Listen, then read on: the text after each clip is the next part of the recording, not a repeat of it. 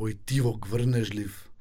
Чекај бе се концентрирам за да почнам со најава, имам најава. А, имаш со спремно? Па имам такво што си го кажувам на старт на секојаш. Ја секојаш. секој- Колку време секогаш- требаше да го дефинирам, да го да го Ја ми беше, ми беше стално као мало викаме иако ме викнат ова звон да учествувам и ако ти речат и баш ти од твоето школа да кажеш и треба учам при основното училиште 29 ноември Да, и сакам да па, ја поздравам Да, да, и да. математика и географија и, и оваа учителка и таа викам леле ако идеме на звон само да не ја правам ја тоа поздравното да не го правам.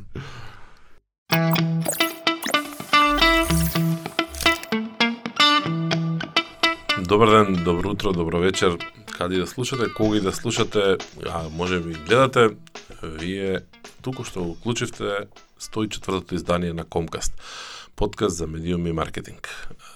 Подкаст кој што може да го слушате и гледате на комуникација.нет, од каде што извира и каде што сосема случајно. Јас денеска си ископав една традиционална мајца која што потекнува од петиот роден ден на комуникација.нет, тоа беше пред некои 10 на 11 години, чисто вака у перспектива да ги ставам работите. треба фала да кажеш зашто да не додев денеска немаше да побараш маицата и немаше да ја најдеш след Не, излегов со бела мајца денеска и сватив дека никој пат до сега не сум снимал ко- комка со последниве 10 на 20 епизоди со бела мајца во оваа црна позадина и дека ќе двојам многу и реков чека да побарам нешто низ канцеларија да не се наоѓа.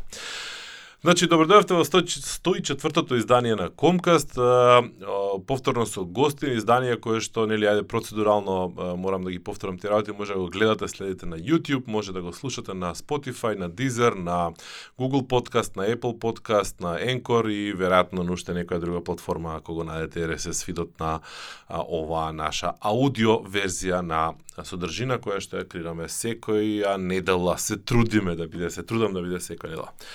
Имам неколку џокери во ракав кои што ги чувам во ситуации во кои што ќе ми откаже некој нема да стигнам да снимам епизода, немам доволно мотивација и слично и си кажеш аха, добро, идеме на сигурна варијанта, ќе викнеш човек кој што зборува, кој што нема проблем да зборува, кој што која тема и да му ја фрлиш има што да каже, без разлика дали му држи или не му држи зборот, али има што да каже. За све има мислење. Е, така. И токму заради тоа, денеска гостин во нашиот Комкаст е Иван Димитров, или попознат како Ико, или попознат како Зеко, или попознат, или не попознат како Селекторот. И... А? Длабоко и одамна. да. Длабоко и одамна. Му реков Ико ќе дојдеш да снимаме, да, да, секако дека ќе дојдам да снимаме и кога дискутиравме што би зборувале, пошто нели толку многу различни муабети не врзуваат и не испреплетуваат Да. да. годиниве. И јас обично не правам онакви емисии, подкасти, комкасти каде што фокусот е нели гостинот и неговата животна историја и слично, ама твојата животна историја всушност не воведува во темата. Нема да ја кажам сега темата, пошто веројатно ќе пишува во насловот на видеото. Да, на крај како ќе искочи да ќе го напишеме насловот уствари. Да, да, да, може и ќе го напишеме да биде попровокативен насловот. Ама е, рековме дека ќе проследиме твојата кариера и јас ќе раскажам онака како ја ги гледам работите, као за да, да, да, дека те држам се уште да не си почнал да зборуваш, па после ќе те оставам. Намерно го спомнав селектор, затоа што те знам од нега 2005-2006 година. Е, имаше блог на кој што пишуваше за спорт, не се сеќавам дали беше Уште само постои. фудбал или Уште не. постои. Да, Да. топ, супер. И а, нели, тогаш се така се наоѓавме интернет блогери, пишуваа луѓе, мене ми побараа предлог човек кој што треба да пишува за спорт, за ново спортско списание, за фудбал, тогаш беше клуб фудбал. Да. И реков постои еден дечко, интересно пишува на интернет, може да го исконтактираме да видиме што се случува со него. Години подоцна беше уредник, беше новинар, беше се живо и диво во спортско списание, години покасно се откажа од тоа списание, стана предприемач, односно стана газда на кафана, не, Угостител, менаџер. угос- угостител, односно стана зеко, Да, да, да, да. Стана зеко, меѓутоа паралелно цело време со една нога цапареше онака низ диджитал и низ маркетинг и низ се што се случува а, периодов, за да последниве 5, 6, 7 години а, преку различни проекти, што приватни, што нели професионални ангажмани, а, а, се уште длабоко гази низ а, маркетинг водите кој што денеска се дигитал. На, на многу крив пат, ама на многу места се испреплетуваме. Значи се фаќаме тука на кружен тек. Ја кружам, ти ќе влезеш, ќе излезеш и така натака. Да, а, Ико, по многу различни работи те знаат луѓево, јас набројав нешто што да речеме мене ми е хайлайт, меѓутоа ајде е, како ти си ја гледаш твојата професионална кариера, е, затоа што темата ни е, е луѓето кои што работат денеска во маркетинг, луѓето кои што треба да работат во диджитал, во агенции, во компании да. и како тој кадар всушност стига таму кај што треба да стигне. Океј, okay. прво фала на на поканата, ако сега дознав дека сум бил резерва да ми кажеше претходно му реше нема да дојдам. Резервата, значи ти си джокер, джокер не е резерва. Се шалам, се шалам, се шалам. А, а, Комкас си го следам одамна, уште она првине серии која беше многу одамна. И а, баш ми е кејф што што ете ќе бидам дел од, од една епизода. Прв пат си ствари гостин, така да. Прв пат, да. А, Во студио не сум прв пат, ама да, на да. Комкас сум сум сум прв пат така да познато ми е студио, да не речам дека едно време повеќе да за мене е направено повеќе за мене домашен терен него за тебе.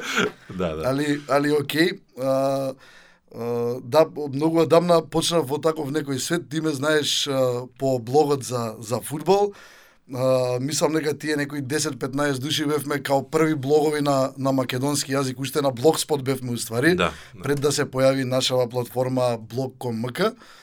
Uh, не знаеш за нешто предходно, мислам дека uh, имав uh, веб-сайт спортски уште од времето кога имаше dial-up интернет, се викаше maxsportnet.com, значи пази net.com, maxsportnet.com кој беше заеднички проект со Кире Синадиновски, што сега е практично организатор на Скопскиот маратон.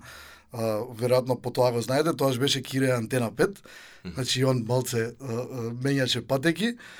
И тоа ни беше прв као, као проект, па после се префрливме на, на блогерај, а, после се појави ти и ме, ме, ме втурна, да речам, ми ја стави чивијата за некои новинарски води, уреднички, ама многу многу добро искуство бидејќи тоа тога што сме го прошле, сега практично некој да сака пари да плати не може да го помине, пошто печатени медиуми малте не и да нема, магазини исто мислам нека ради излегуваат, не знам ни какви се тиражите, знам дека тогаш имавме стварно интересни бројки, значи интересни тиражи и релевантни тиражи би рекол, значи да продаеш 10.000 исписанија, тоа е стварно некоја респектабилна бројка, значи некој платил пари да прочита нешто што ти си го подготвил со, со екипата. Така да мислам дека беше многу добро искуство што и ден денес ме, ме, ме служи на некој начин.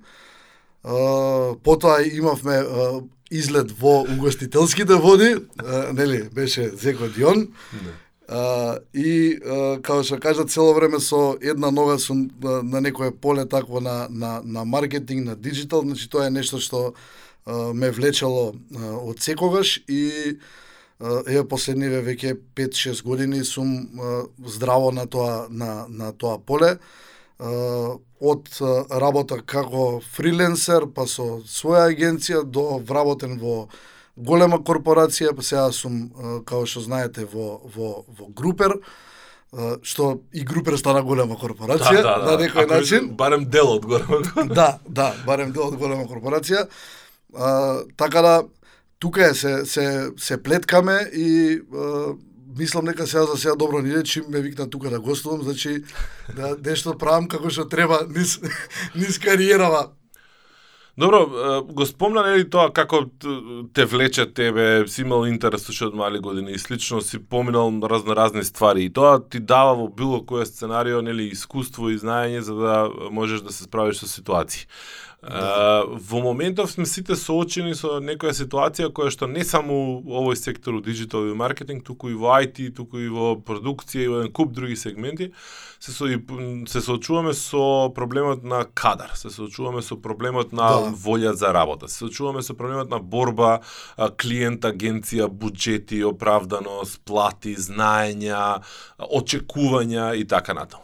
И ова е дискусија која што веројатно е горлива тема, јас успешно помалку или повеќе ја избегнувам, А, затоа што знам дека не е едноставна да ти ја пресечеш преку еден статус или преку една расправа во коментари на некој на некоја Facebook група и слично. Ама не избежно е да бидеме сведоци на еден куп различни коментари, негодувања, оправдани, неоправдани кога а, се случува да луѓе стварно треба да се соочат со проблемот да најдат луѓе или да ги едуцираат или да ги израстат. Предизвик е. Кај нас е, кај нас мислам дека е голем предизвик. Фала му на Бога, сум бил во таква улога да многу често требало да регрутирам луѓе за за работа без разлика на на кое поле дали видео едитор ми требало графички дизајнер или било што и мое лично убедување е дека пазарот на труд кај нас е многу слаб. Значи не би сакал да навлегувам а, во тоа зашто нели секогаш оние кои што се нудат на пазарот на труд викаат а па слабо е платено или не знам бараш седум работи да работам да е една и така натака. А, а, мислам дека треба и работодавачите, а, односно оние кои регрутираат, а и оние кои што и оние кои што бараат работа, а, малку да да фатат а, тек со реалноста, односно да а, застанат на земја, да разберат а, каде живееме, какви се тука можностите, какви се договорите со клиентите, конкретно ако збориме за за маркетинг секторот, какви се приходите и така натака, бидејќи со сега сум се соочил, тоа е некоја лоша навика на многу луѓе кои што сум ги запознал да прават споредби кои што се нерелевантни, знаеш, како еј, ти бараш, ако работам у странство, волку се зима за тоа и така натака, значи да, во странство се поскапи и трошковите, поскапа е киријата, поскапа е храната и така натака, значи мислам нека треба да се гледа секогаш во сегашниот момент и тука и секој реално да размисли колку заслужува, дали има волја да работи и на крајот на денот дали сака да работи за да заслужи повеќе. Зашто има таа една анекдота секогаш ја ја раскажувам интересна, знаеш, ако ти дојде рецимо не знам некој дома да молерисуваш и ќе се договори за некоја сума, не знам, ќе се договори за 100 евра да ти го прават цел стан и ќе ти го нашљакаат лошо и као демек ти ја кажеш ова некако, а да ми платеше 300 евра ќе беше подобро, нели? А, а и сега во моментот да молерот можеби е во право дека не бил платен доволно, ама од друга страна и неа завршил работата најдобро што знаел. И а, на краток рок тој добива зашто ме зафркнал дека не ми ја сработил работата, ама на долг рок губи бидејќи јас па нема да го препорачам кај никого, односно напротив ќе му дадам лоша препорака ако ако некој ме праша. Така да за за мене јас барем мислам дека на тоа можеби се должи некој мој напредок во ти ја викаш кариерата, се не се сметам толку за дека кариера имам, кој знае како не животниот пат. Да, животниот пат, животниот пат. Ама а, мислам дека секогаш сум давал 100% од себе без разлика дали сум правил нешто про боно или ми било добро платено или помалку добро платено и веројатно за тоа и сум научил разни вештини и, и сум дошол да бидам кај што сум сега, да ме викнеш во еден светски подкаст како Леле, Комкаст. А, светски други цени, чекај, чиме за светски, да, тука одма други цени. Да. А, Ај сега вака, значи да не испадне дека се ние ќе кукаме, ќе напаѓаме едни други или да, овие да, нечина, да не тие нечина. Да. А, ајде да искуствено да речеме и преку својот пример, можеби ги преку пример на луѓе со кои што се работело изминативе 5, 6, 10 години.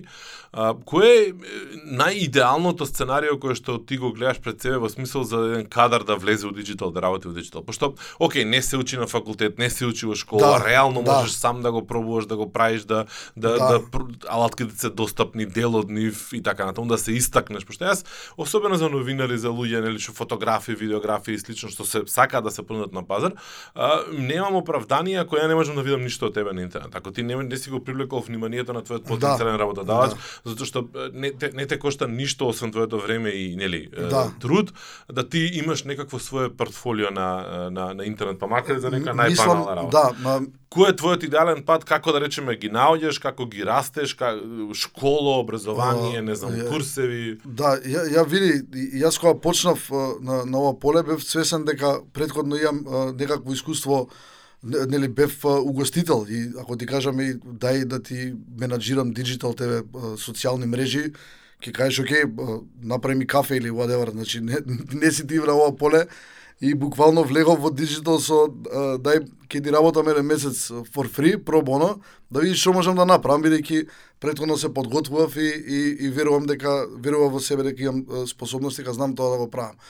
А, генерално а, мислам дека добро го начна да речам прашањево, дека тоа е тоа што фали некој шоукейс, портфолио бидејќи а, овој бизнис е таков што верувам дека никој не може да каже у еден ден е ја ова го научив и се од сега натака го знам и толку наплаќам и тоа е тоа. Зашо а, овие ствари кои ги работиме и ти со твојата агенција и значи збориме дигитал маркетинг и маркетинг општо е а, бранша која еволуира од ден на ден. Нели баш сега се смеев, ми имаше коментар некој е како да направам кроспоз на Инстаграм, смениле ова на Facebook и така натака. Значи а, мис, мислам дека а, бара цело време а, работа, значи тоа е едно за да бидеш во теки, за да бидеш а, добар и да знаеш да ги познаваш работите.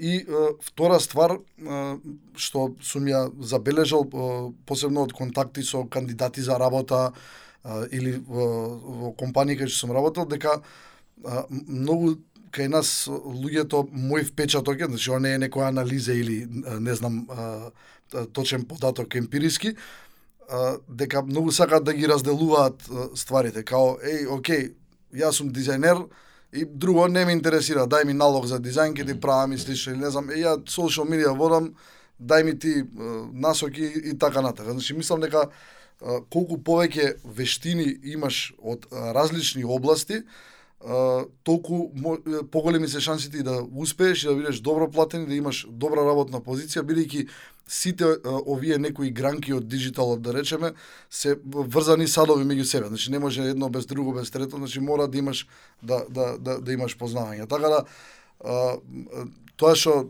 би кажал е дека фалат повеќе all round луѓе, што би се рекло на кошаркарски речник. Тоа сме ние балканците експерти за се Да, и на крај за за ништо. се и за ништо. И на крај за ништо. И Види- кога ќе отидеш на некој поразвиен пазар и да работиш за некој поразвиен пазар, тука се соочуваш со фактот дека а, знаеш од се помалку и на крај ништо. Јас имав бројни пријатели кои што отидоа во Америка, се иселија, тука беа онака цареви, владеја на на social и на digital и сработеа еден куп различни работи и тоа прилично добро, не не не, не зборуваме за нешто површно. А, човекот кога отиде во Америка му требаше години години за да може да се испрофилира, за да може да влезе во некоја бранша за да го вратат. Пошто да ти фати да бидеш само една ниш. Проблемот кој е ти да бидеш rounder е добро кога ќе стигнеш на некоја извршна позиција, кога ќе стигнеш да управуваш со Да. процеси. Ти мора ти мора барем помалце да пофаќаш од сите работи за да можеш да управуваш со со процеси, да можеш да ги разбираш понатаму лесно, па нека копа некој друг или подлабоко во во Да, приказката. се Меѓутоа кога ќе ти идеш ти на некој друг пазар надвор а, да работиш, ти прво а, не можеш да добиеш извршна функција одма, Значи Да. мораш да поминеш низ, низ тој систем, а поминуваш низ системот кај што работиш нешто индепт, односно длабоко. Да. Од друга страна, македонскиот пазар, ако работиш локално, многу често не ти дозволува да ти работиш во една работа толку длабоко и толку фокусирано, а, затоа што нема толку се голем пазар, нема толку ресурси, немаш ти а, преку работата да се насочиш исклучиво само на Analytics, исклучиво само на Google Ads, исклучиво само на едно или друго. И а, пред некое време стигнав до некоја а, као нека теорија, თეორიაც შემა, која што у менеджмент е одамна позната, само некој имал адаптирано на на маркетинг шема, не знам некој да вие големциве, не знам SEO, MOS или слично, MOS уствари, а, имаа направено као T-shaped marketeer, као да мек Т во облик на буквата Т и сега горе ти се на на на хоризонталава 5-6 вештини кои што да ги знаеш на основно ниво или некое базично ниво, а тоа нели делот надоле да. вертикалата така што ти имаш специализација за за за една тема каде што ти стварно а, знаеш многу повеќе. И сега проблемот е што а, ти немаш простор овде да се изградиш у, тој- у тој у тој сектор, освен ако не си работел за некоја компанија, можеби надвор или слично, да. имаш и немаш.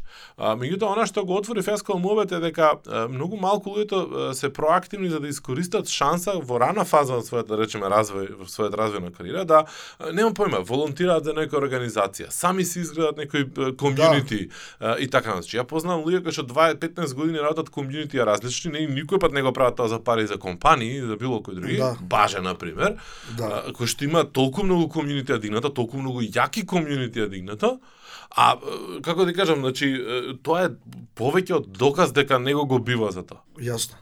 Јасно. И, и не го искористува тоа луѓето да го направат тоа така. Значи, има примери кај што преку комјунити луѓе си дигнаа своји брендови, си работат и комерцијално сега и така Ова е, натаму. ова е многу јако што го кажа, пошто кажа две две јаки ствари.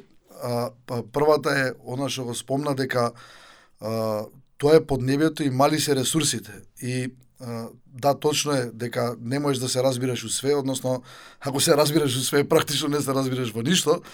А, а ама мо, ситуацијата кај нас е таква што ресурсите се се се мали и едноставно мора да се снаоѓаме на некој начин. Значи мора да имаш а, такви луѓе и да бидеш таков што ќе знаеш две-три вештини и, и ќе ќе пофаќаш од нешто. Можеби нешто си а, специалист, така ја платени реклами ги работам најако на свет, ама знам да пофатам и а, контент и едно и друго, значи значи тоа е тоа е тоа е целиот моабет.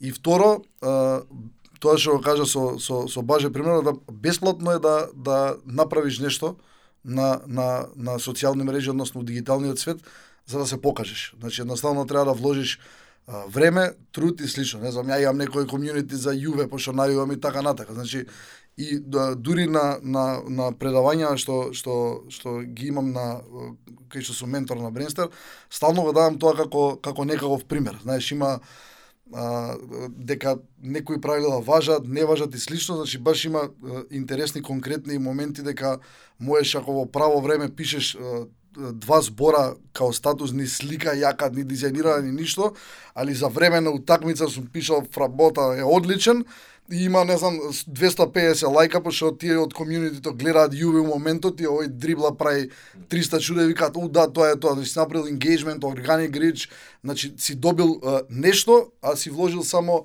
малку креативност и а, малку време од себе. Така да, може би и тоа е нешто кое што кај нас луѓето луѓе пропуштаат да го прават, као мислам може да седат и чекаат ај ја научив ова и сега да ми понудат волку плата, јам замислено и да терам на работа, ама а, фали таа проактивност, ете да речеме. Тоа е, мислам, дека е многу, а, мислам дека е клуч на некои работи. Е, Е сега се соочуваме со моментот, нели, кога бараме луѓе, како ги бараме луѓето? Во смисол на тоа дека ако ние наброиме, многу често замките на огласите се такви, значи ти тргнуваш и набројуваш, треба да знае ова, треба да разбира ова, треба да чепка Photoshop, треба да знае видео, треба да, Да, да снима ова, треба да се да биде спремен да го слика, треба да прави не знам ова, треба да прави и кога го наредиш стварно се тоа опис и попис за 10 Да, работни места. да, и тука да. нема дискусија.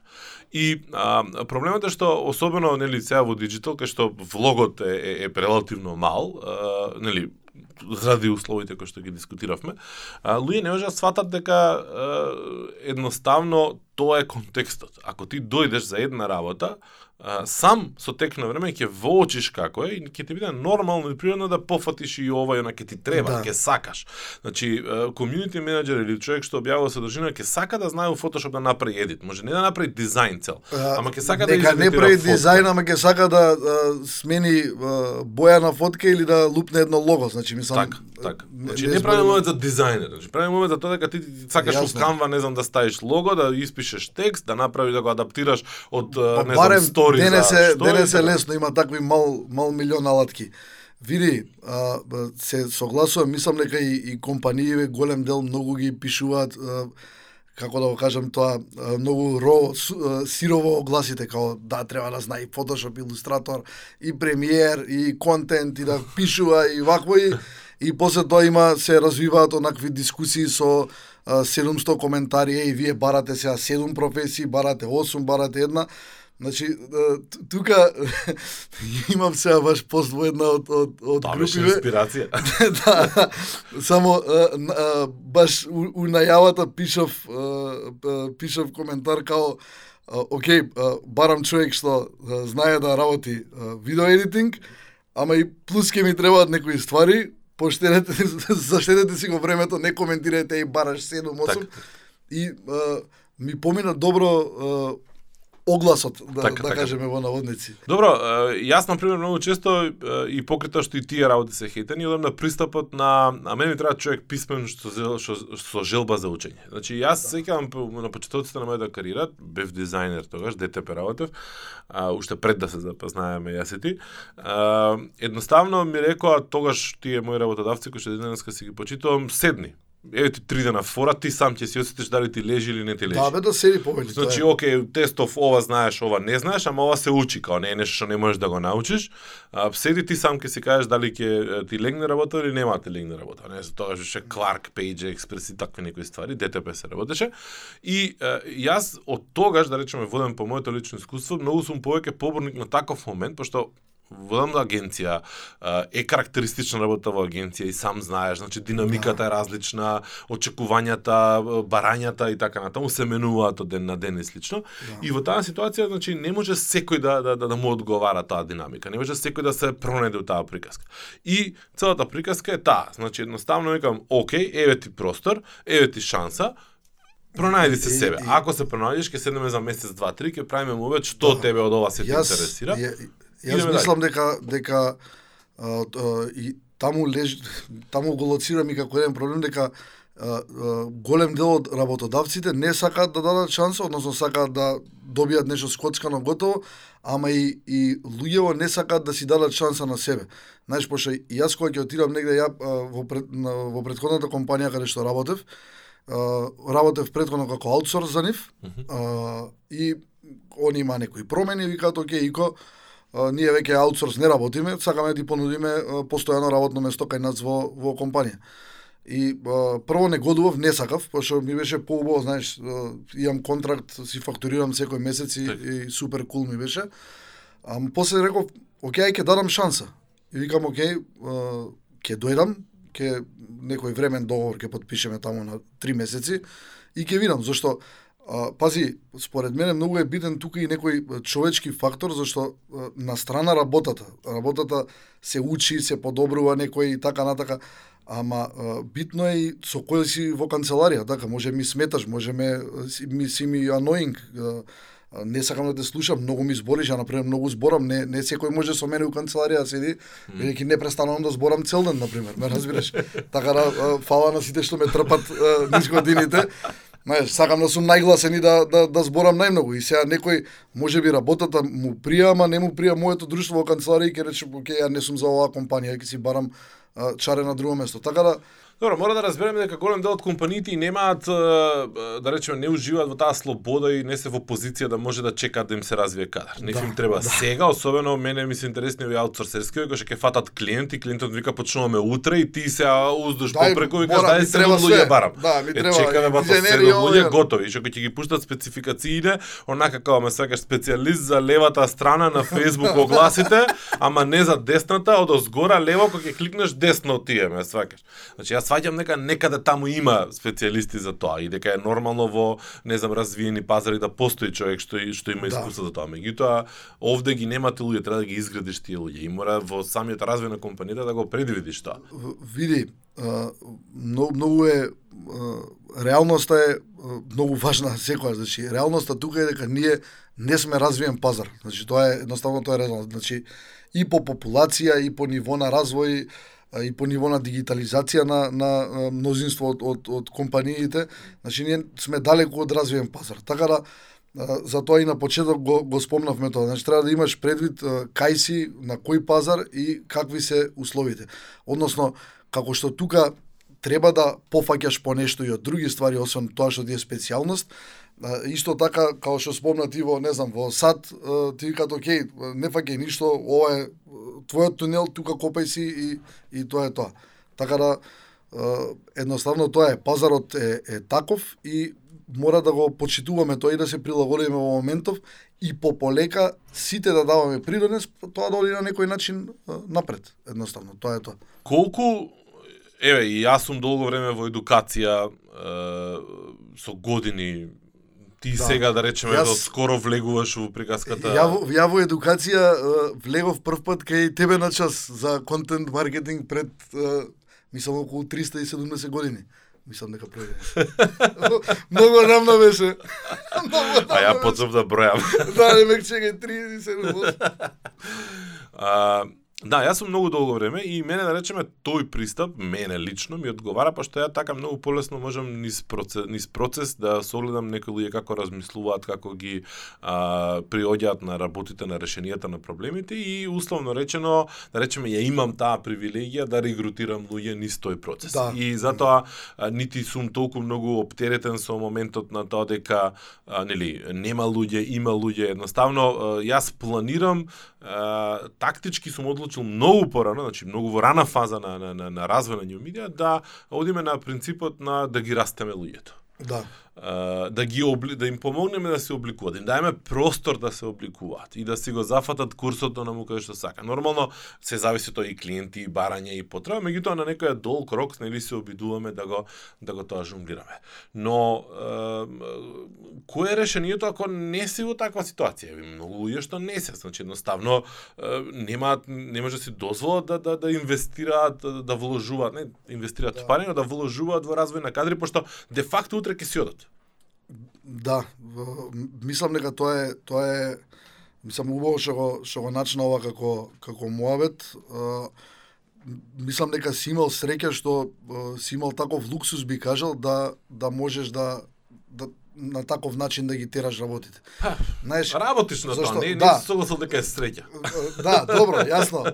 Ама Си ама има има и среќичка малце. Си знам колку сум учел и After Effects, колку сум учел и Premiere, колку сум учел Добро, не и аудио монтажа. Значи јас си знам на свој грб тоа. А, да, види, реално светот на дигитал мислам дека е, е толку а, ка- ја, ш- како пластелин, не знам како да кажам, значи Модулиран, модулативен. Знаеш што сакам да кажам? Мислам дека да не постојат две агенции, да речем, што имаат потреба за истиот тип на кадри. Значи, Па и две компании. и две компании или било што. Значи, с- секаде треба некој да има нешто кастом, некое знаење баш за потребите на клиентот или на кампањата и слично. Зошто такви се ресурсите, требало тоа да се реши со толкав број на луѓе и така натака. Така да, а, мислам дека тоа моделирање и профилирање во некои микродози постои а, на секаде, значи и кај нас во фирма, и кај тебе и така натака. И тоа е многу добар начин. Е сега како да да да да успееш тие луѓе што на некој начин ќе ги израснеш, нели да да да се задржат, тоа е исто голем предизвик пошто и пазарот не е толку развиен и е неизвесен, нели денеска имаш контракт со некој, утре решиле, оке ќе ги скратиме средствата за дигитал или не знам што, значи пак зависиш од некоја друга страна за да можеш да го испочитуваш тој работник со со ресурси за да може да он да возврати со некоја лојалност. А времето е такво што мислам дека она на на Жими мајка многу малку ќе се решат да останат и речат е окей ќе биде добро овдека ќе ќе седам уште неколку месеци па ќе биде боле. Се размислувам дали овој момент што го правиме е, во која мера е апликативен на било која друга работа, а не само за диджитал и за и за маркетинг. да. И кои се тие карактеристики што можеби нели се двојат оваа приказка што го прават ова баш сериозен проблем или актуелен проблем баш за диджитал маркетинг? Јас не не можам да најдам искрено да ти кажам некоја професија што е што е што е слична. Мислам некој е полека и што толку има кај што толку ова представува проблем, не знам. У, у фудбал да се смени тренер па да рече ај ми треба плюс напаѓач, па не знам. Не не не не е баш така. Не е баш така. Спомна, и фриленс, и своја агенција, и за клиенти, и за брендови. Значи, сега си во моментов на, на последна вестанца. А, си бил од едната, од другата и во средина. Да речеме, ајде, напаѓач, одбранбен. Да, све, све, све. Све знае да игра овој. И тренер. Нема да прашам кој е најдобро, кој е најлошо, ќе те прашам кои се предности и недостатоци низ твојата призма, низ твоето искуство на едното и другото. Кој е, да речеме, еве, ако постои такво нешто, идеална комбинација? Оу, а, Еве, да почнеме од тоа предности и недостатоци на прво, второ и трето. А, за, за мене лично идеална комбинација за за една компанија без разлика како вид на бренд е е да има инхаус собствен тим за маркетинг и тоа нели full scale со од дизајнери до видео едитор до community менеджер до маркетинг менеджер и слично.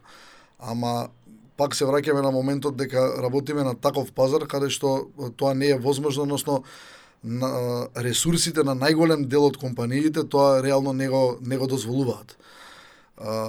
Е сега не знам, јас сум бил на, на, во, во различни улога, како што кажа, и не би можел да кажам што е подобро или полошо, можам да кажам дека секоја улога носела своје искуство. Например, кога работев како менаџер за маркетинг на Volvo, да речеме, и ја бев нели за за Македонија, но одговарав пред некој од Volvo таму од Словенија, кој што одговара пред некој од Volvo во Шведска, кој што одговара пред некој од Volvo во Кина и така натака.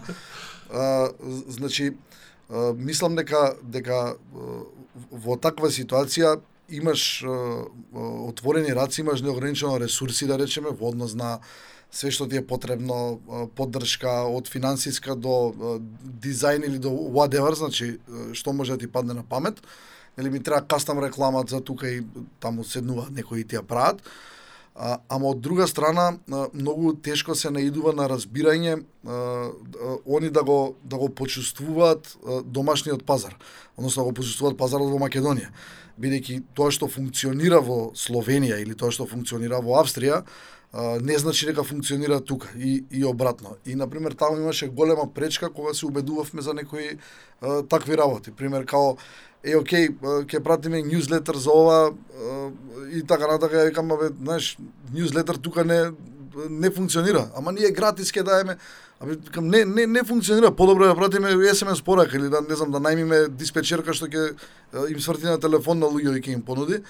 И а, многу долг беше процесот додека да се убедиме дека а, тие не го познаваат а, а, пазарот како што го познаваме ние и да ни дозволат на нас на некој начин да се адаптираме а, локално. Значи тоа е а, нешто што би можел да го кажам а, за а, работа со а, голема компанија од странство. Од друга страна, па а, многу интересна ствар, ја тоа најмногу што ми се допаѓа, е што таму нема со таквите компании без разлика дали било Volvo, Kia, Jaguar, Land Rover со кои да сум работел, за кои да сум работел, нема а, она хипо, како беше, highest uh, income person opinion, значи, а, знаеш, све се заснова на а, точна анализа, истражување, анкета, податоци, бројки, Excel таму не може некој да се да каже е, ова сега билбордов ќе биде бољи со црвена кола да го направиме и да го ај ќе го правиме пошто на него така му се свиѓало дента, ме разбираш. Значи таму ако кажеш ќе го правиме со црвена боја, треба да, нели, да стоиш позади тоа, да сносиш одговорност за резултатите, значи за за евентуалниот неуспех на кампањата, бидејќи претходно си поставил некои KPIs, а, од друга страна па и да го собереш медот или бонусот за евентуалниот успех на на кампањата. И а, така да има многу што да научиме од тие а, големи а, да речам, корпорации што работат а, by the book и а, мислам дека најдобрата комбинација е тоа е некој by the book experience да го да успееме да го акумулираме на различни начини и да го адаптираме на локалниот пазар, дека нели нормално не е све секогаш а, а, применливо тука. Uh, спомнавме, нели, најдобро да имаш in-house тим и да се да се вратиме на таа приказка. А, мислам не дека ќе сега ќе ја бранам позицијата пошто јас долго време сум поборник на тоа, меѓутоа си имаат позиции и улога и агенции и фриленсери Да. во целата таа приказка, па чисто за да заокружам приказката. А, а, Види, тоа е мое мислење. Знаеш, Не, види, јас се согласувам. Сега ти кажам од кој аспект се согласувам. Значи, јас се согласувам од аспект на тоа дека а, ти мораш да имаш луѓе внатре кои што ќе бидат тесно поврзани со компанијата, кои што ќе ги следат нели во од тие работи што ќе живеат. што ќе живеат при касата, меѓутоа не не е неопходно да имаш ф- цел тим на проду, за продукција внатре затоа што не ти се исплати, освен ако не си нели компанија која што има 10 бренда и комуницира секој божи ден, произведува на ангро Доаѓаме до, до па lack па resources. Да. И сега тоа од една страна. Од друга страна имаш ти ситуација во која што се случува она као затварање и е, не можам да кажам утупување, меѓутоа монотонија во поглед на на- во поглед на моментот дека е, ти фали надворешен е, агол, ти фали надворешен safe zone. аспект на работа. Влагаш, влагаш во, во safe zone. Да. Е, влагаш во сейф зон и си тепаш по тој пат и Сум бил, едноставно сум бил и во таа зона. И од една друга работа која што Мора исто да така многу ми се бендиса, а, а, да речеме, кој тој е мојот аргумент вечен за на страна на агенциите, не дека треба да бидат главни, меѓутоа или единствено решение, него дека се а, а, необходен дел од приказката. Тоа е еден една изрека на на мојот драг пријател Варга, кој што многу често испаѓа и го цитирам онака низ муабети. Муабети дека а, ние учиме а, со пари од 10 клиенти потрошени, Да. а, фирмата учи со пари потрошени од еден, клиент. па нормално. И искуството што ја ќе го добиам и што можам да го пренесам на следниот клиент, еден од тие 10 линија, е од тие 9 предходно. А ти као компанија, ако работиш само инхаус за одредени работи, преносиш искуство само од а, еден а, бренд и една комуникација. Јасно, кога си со агенција го добиваш акумулирано искуството од а, све предходно што што што агенцијата работела. Види, а, има pros and cons, значи нема нема муавет за тоа. А, јас а, ти одговорив имајки нели за, замислено ситуација дека имам unlimited resources и окей што сакам да правам за мојата компанија, ме разбираш, ама доаѓаме до моментот дека дека нема скоро никој unlimited resources и и тоа. Знаеш што сакам да се вратам, а, а, мислам дека стварно нема ова како си го кажем, нема како маркетингов некоја некоја друга професија, пошто мислам дека Рчната. да, ме, ме, ме рчна тоа, што се го прави тоа мојот. Ја мислам дека нема некој што ќе каже, слушај, ја не се разбирам во маркетинг. Значи тоа не барем јас до сега не сум сретнал таква личност што ќе каже, еј, окей, ја маркетинг не се разбирам, Не, не, не сум сретнал, ти ако си сретнал, гледам нека размишляш, ама нема да ти текне Ќе го преформулирам. Значи не, не, нема да кажам толку храбро дека не, не нема човек што некоја не се разбира во маркетинг, меѓутоа имаат мислење. Е, тоа. Е, тоа. Значи сите имаат мислење. Тоа, тоа. Значи за на тема маркетинг сите имаат Да. мислење што и како треба да се направи или што мисли а, купувачот Да, види, јас, јас секогаш им кажем, а, знаеш, ако а, викнеш во зграда мајстор за лифт, зашо на мајсторот за лифт не му го кажеш твоето мислење за како да го поправи лифтот, така? Значи тука има голем влог, ако го кажеш твоето мислење, може лифтот утре да падне, така и ги речат, еј, абе Дарко му кажа на, на овој дека може да работи без делчево лифтот, нели? А, а, така да, јас секогаш во, во таа некоја комуникација, дали со, со клиенти или со надредени, сум, сум се обидувал да наметнам а, еден таков а, а, момент, као, Океј, окей, и ловото не остави лево, остави од десно, и ја имав со ајде да не именувам, нема врска, не, не, немам дозвола да, да кажам тоа, и као викам, пред неколку години беше, а, окей, ќе го ставам, не знам, ќе ја направам променава што ми ја кажуваш, само да знаеш о, о, за резултативот од кампањава, ти сноси си одговорност. Не ме прашувај мене као да, дали и као имаше момент као чеки заш зашто е па окей, ти кажуваш како да биде дизајнот, ти кажуваш што се свиѓа вако, значи сноси ти одговорност. Така да а, а, ете така да го формулираме, сите имаат а, мислење, ама а, многу малкумина се а, спремни да а, put their ass on the line а, со со мислењето и да, да каже окей, ова ако успее сакам ја да бидам заслужен, ако не успее ја ќе бидам крив и окей, ќе ќе ги сносам последиците. Тргнавме од да, да регрутирање на нови луѓе, од кариерен развој на кариерни патои, завршивме со овие што имаат мислење што Да, се уприли, све. у принцип у Е, горни редови на, на, на компанија. Значи, не сакаш за NBA за плейоф ќе почне. Гледав Савајле, гледав Савајле, почна беше плейн, гледавме ова ќе веројатно живо во сабота, така да веќе ќе биде решен и плейофот, почнат плейофот, така да не, ќе го оставиме тоа. Иако традиција во Комкаст одамна не е спомната Да, аз NBA и Стречер си, значи ја мислам онака Никси кога се пласира у, у плейоф више прво што ми декна асоциација да ја овие се па Значи- почна на Facebook да менјаат кавери, мавери. Сме, ние сите ти, ја цела година ги гледам ги на стреча се четот сум дел таму. Значи активни се, ако они не снимаат, значи они се активни, Активни особено за себе. Особено за тема Лейкерс, ова за тема Никс сега, значи цела година, како ти кажам, све друго не е битно. Треба. Е, да епизода. Нешто правиме по повод пласирање Имаше коментари, ама ајде ќе ќе им се убациме, ќе ги пингаме. А, Ико, е, некого малце начнавме, ајде да го привршуваме Маоетов со некоја, да речеме, тешка задача да се обидеме, ете, повеќе ти, помалку јас, да даеме совет, препорака, надеж, Ние да дадеме мислење надеж, не, не мислење, туку же, ајде да речеме желба што би требало да се случи за да некако не ни представува толку многу голем проблем ова да речеме барање на кадар, развивање на кадар и слично. Да, јас знам дека ме викна у Комкас кога, кога го пуштив огласов во, во, во група Creative Exchange. А, овај, Добро, таа е особено хејтерски насочена група за вакви работи. да, да, ами ја, види, ја имав спремно и коментари за враќање. Значи, пошто немам многу време, викам ќе ги спремам однапред на copy paste. Никој не не исхете ништо, значи стварно разочаран сум на го постап. Ама не, тојот лик и дело не дозволуваше, ми се чини, и да, поставеноста. и кога ова ималце каљав на уста, ќе биде лошо, ова. Баш ки Каљо прв ти Да, и искоментира, кога кажа. Кајло коментираш и после него нема да, лоше лоше е да да улетеш после него, има он исто сериозни проблеми со начинот на изразување. Добро го дефинираш. Да, културно го дефинирам. Види, дека проблеме на оѓањето кадар, значи сега ние како како некои големци демек тука сме се собрале и вако не може. Не, да не, ја најдеме не го гледам таков проблем. Да. Пошто мојата мојата филозофија е друга, така Да, да, го гледам, го посматрам, го сваќам. да, гледам дека постои е иши, значи, знаеш, е, е, и од разговори со луѓе што се на таква позиција да регрутираат и од тоа што нели го гледам по секој ден по Facebook огласи, не знам, знаеш, ти боле очи искача за некоја компанија седум пати оглас некој, ти тек значи не наоѓаат човек или Ама раз го растат има, значи од Да. 20 станале 200 се. Да, добро, не е вистина.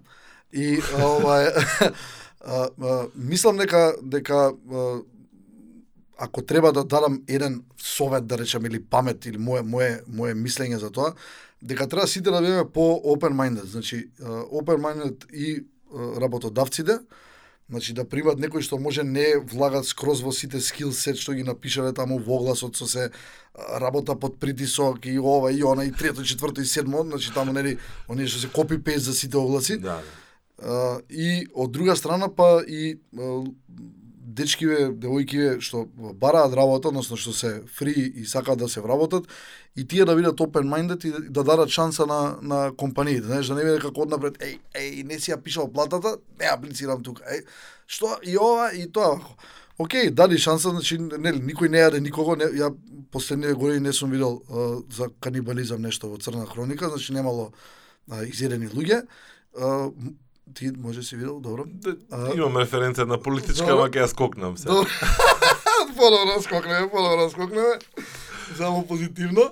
А, а, така да и, и, и дечките нека дадат шанса, знаеш, нека да аплицираат, нека отидат у компанија, нека видат, може ќе им се свиѓа околината, може ќе видат дека а, нешто што а, а, мисле дека им е на нив, може не им е тоа, може ќе најдат нешто ново што ќе ги заинтересира и така натака.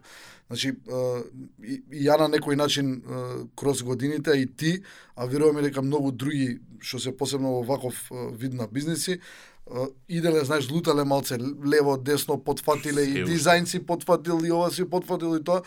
И, и окей, све тоа е окей, зашто мораш да се да се пронајдеш. Така да само отворен ум, тоа ми е мене, знаеш, и open mind и кај работодавците и кај тие што бараат работа, да си дадат шанса едни на други за да се најдат луѓе да да кликнат едноставно, да да да можат да функционираат заедно. Да, тоа е тој момент. Значи, кликнувањето всушност е клучот на, на, на се. Види, Значи, ти е- не можеш тоа да го опишеш во, во, во оглас, ти не можеш да го ветиш никому, пошто Не не, можеш- знаеш каков човек е. Едноставно мора да се А, знаеш, с- с- даде шанс. делиш делиш со тие луѓе а, 8 сати дневно, значи буквално повеќе си него со со тие што се домашните и да, треба да треба да треба да да да го направиш тоа. Јас а, инаку работев заедно со со сопругата и беше а, те, во истата бранша сме и да, Знам, намерно не отворав оваа тема, ама добро. не Ќе направам проблеми по дома да. Не, не, сум на, на, на Фросе и, и кроз времето решивме да она си тргна по свој пат своја кариера, исто во, во диджитал, јас свој пат своја кариера, баш за, за, заради тоа многу е и на работа заедно и после работа заедно. Така. Добро, ја можам само од ова што го кажа ти да некако го го е, преиначам, односно За насловот да смислиме нешто. го спомнам. Да, па да, види, насловот е Curiosity, Curiosity Killed the Cat. Значи нема врска. Значи мојот of кое, ти викаш да си дадат шанса, а јас на, Да. на, на сите што ги да речеме едуцирам, што сакам да ги да им помогнам да влезат во диджитал, а, во суштина им викам љубопитноста е најважната работа што Да, треба да имате. да, значи, пробај, Ова што пробај. ја го кажам нив во суштина ако го преведам твојов муабет испаѓа дека треба љубопитност да има од двете страни и дека треба да, Да. взаемно да има отвореност, односно љубопитност да се експериментира, да се пробува, да се игра и така натаму. Јас многу често кога ќе направам нека нешто на интернет наму натаму и мои колеги особено ми подолго време што сме заедно, од прилика доаѓаат и викаат добро што си смислил сега? Зашо го правиш ова? Што провоцираш? Што тестираш Да. сега? Значи што експеримент правиш за ова и така натаму. Многу е кул. Дроп ди иго и сакал да ти кажам, ја преглед во петок читам, ти текнува се јас што не можам да речам, еј тука го пишала, не знам Александра, ја поише се разбирам од незе што има да ја читам ако. Why not? Зашо не го прочитам? Така, значи и сум видел ствари што прв пат сум ги прочитал таму, пошто сум ги пропуштил, пошто сум имал многу работа на на други ствари. Значи, тоа е тоа, биди љубовитен, биди отворен, знаеш, а, ги тие ствари. Ки ќе те викнат у Комкаст. А? И тука, драги наши слушатели, значи, како да кажам, животна желба на сите гледачи на Комкаст е еден ден ја- да бидат дел од Комкаст. Да, да, ја, ја имам желба од звон да видам и таж не... не Значи, успеа. чекај, ме чекај да направам да направам класично јутјуберски. Ако сакате да бидете дел од овој комкаст, кликнете лайк, шер, Да, коментари не, и слично. леле, има сега да гледав- големите шанси да учествувате во, во Ау, комкаст во едно следните Не епизоди на а, сакав, сакав да го... Имаше еден, еден многу јако јутубер у, у, у, у 3,5 секунди кажува лекнете, шрнете, субстракнете, не можам да го кажам, ме разбираш, ама како и сакав да видам со фармацевски компании да го предложат за онак текстот на крај, знаеш, на ако. Топ, топ, на не- да го кажеш. Да, не му зима ни пола секунда од, од, од, од цел YouTube клип. Значи го кажу и тоа е. И стискаш subscribe, тоа е, не те влече само има, едно, себе. има еден, сега ја ги го спомнам втор, втор пат во Комкаст, обседнат сум со еден јутјубер, Uncle Roger. Uh, тип еден британец, мислам од Британија, нема малезиец, не знам што, и он вика smack the like button. Рекол. Спенк! да, да, око смек и обично кажува референца smack like you would smack и не знам таму и кажува. Ти викаш добро, ама морам да го направам. Да, да, Он да. сигурно има и многу и subscribe и unsubscribe, И- да го пиша, Да, да, маматле. два јумо да кликнат. Јако. Да, да, да, така да купуваме такви финти, иако јас не се обидувам да бидам таков, нели, као да да бейтам, а, да да билдам, да се. не, Едноставно комуникацијата точка нет со години сака да Знаеш дека имаме од кога пуштивме сабскрајбери на на имейл на ком на преглед во петок и таму е онака како една листа која што ми е нова убава што си растеме и си расте со некој десетина у просек неделно ме сваќаш луѓе и сега си стига таму до нека три цифрена бројка полека Добро. фино и тоа ме прави многу радосен пошто никој пат нити комкас нити комуникација не биле онака како производ за масовна публика, ама од секој пат сме сакале таков онаков спор стабилен раскол. Некој од нигде никаде ќе ти убаци коментар на пример на претходната епизода, после 5-6 дена од објавување на Твитер стигна реакција како на едно од најдобрите до сега. Значи автоматски ти кажа дека ги гледал другите, Да, да, да, не, не. И Тога прв пат го гледаш Твитер, А, сам ја прв пат го гледам Твитер На, акаунтот. мене ми е мене ми е многу кул и, и баш uh, curiosity uh, сакам да гледам, текне не знам. Сега имаше баш ситуација во Јоцо кога беше гостин и онака ми текне и викам ово е Јоцо тој мело и што праќаше бретно, знаеш. Да. Ми се поврзаа 300 чуда у глава, мислам онака а, многу многу многу кул. Така да се надевам 104-та, сега те оставам за 208 ќе дојдам. Така? Да, ќе доставам 104. Значи тоа прележан, негативен, а не Со со антитела Да, од Сабајле сме тестирани и тоа е тоа. А, ви благодарам за вниманието, се надевам дека уживавте барем приближно еднакво колку што ја и Ико уживаме кога правиме муабет вака Да. живо на телефон, на чет, на интернет, каде и да е јавно, нејавно, да, полујавно и слично. А, нашите муабети ќе продолжат, ете барем едно е сигурно, за 104 епизоди ќе биде јавно. Да, да. А до тогаш прегледате нешто од архивата што сте пропуштиле, претплатете се, односно настиснете follow, listen, subscribe на било која аудио платформа и да слушате подкасти и аудио ствари или subscribe на а, YouTube. А, и од мене благодарам, а, мислам дека тие што не дослуша колку еден саат, дека стварно се херои, херојски, curiosity и open minded, значи сите овие атрибути ги имаат, вработени сте. Поздрав. Се гледаме.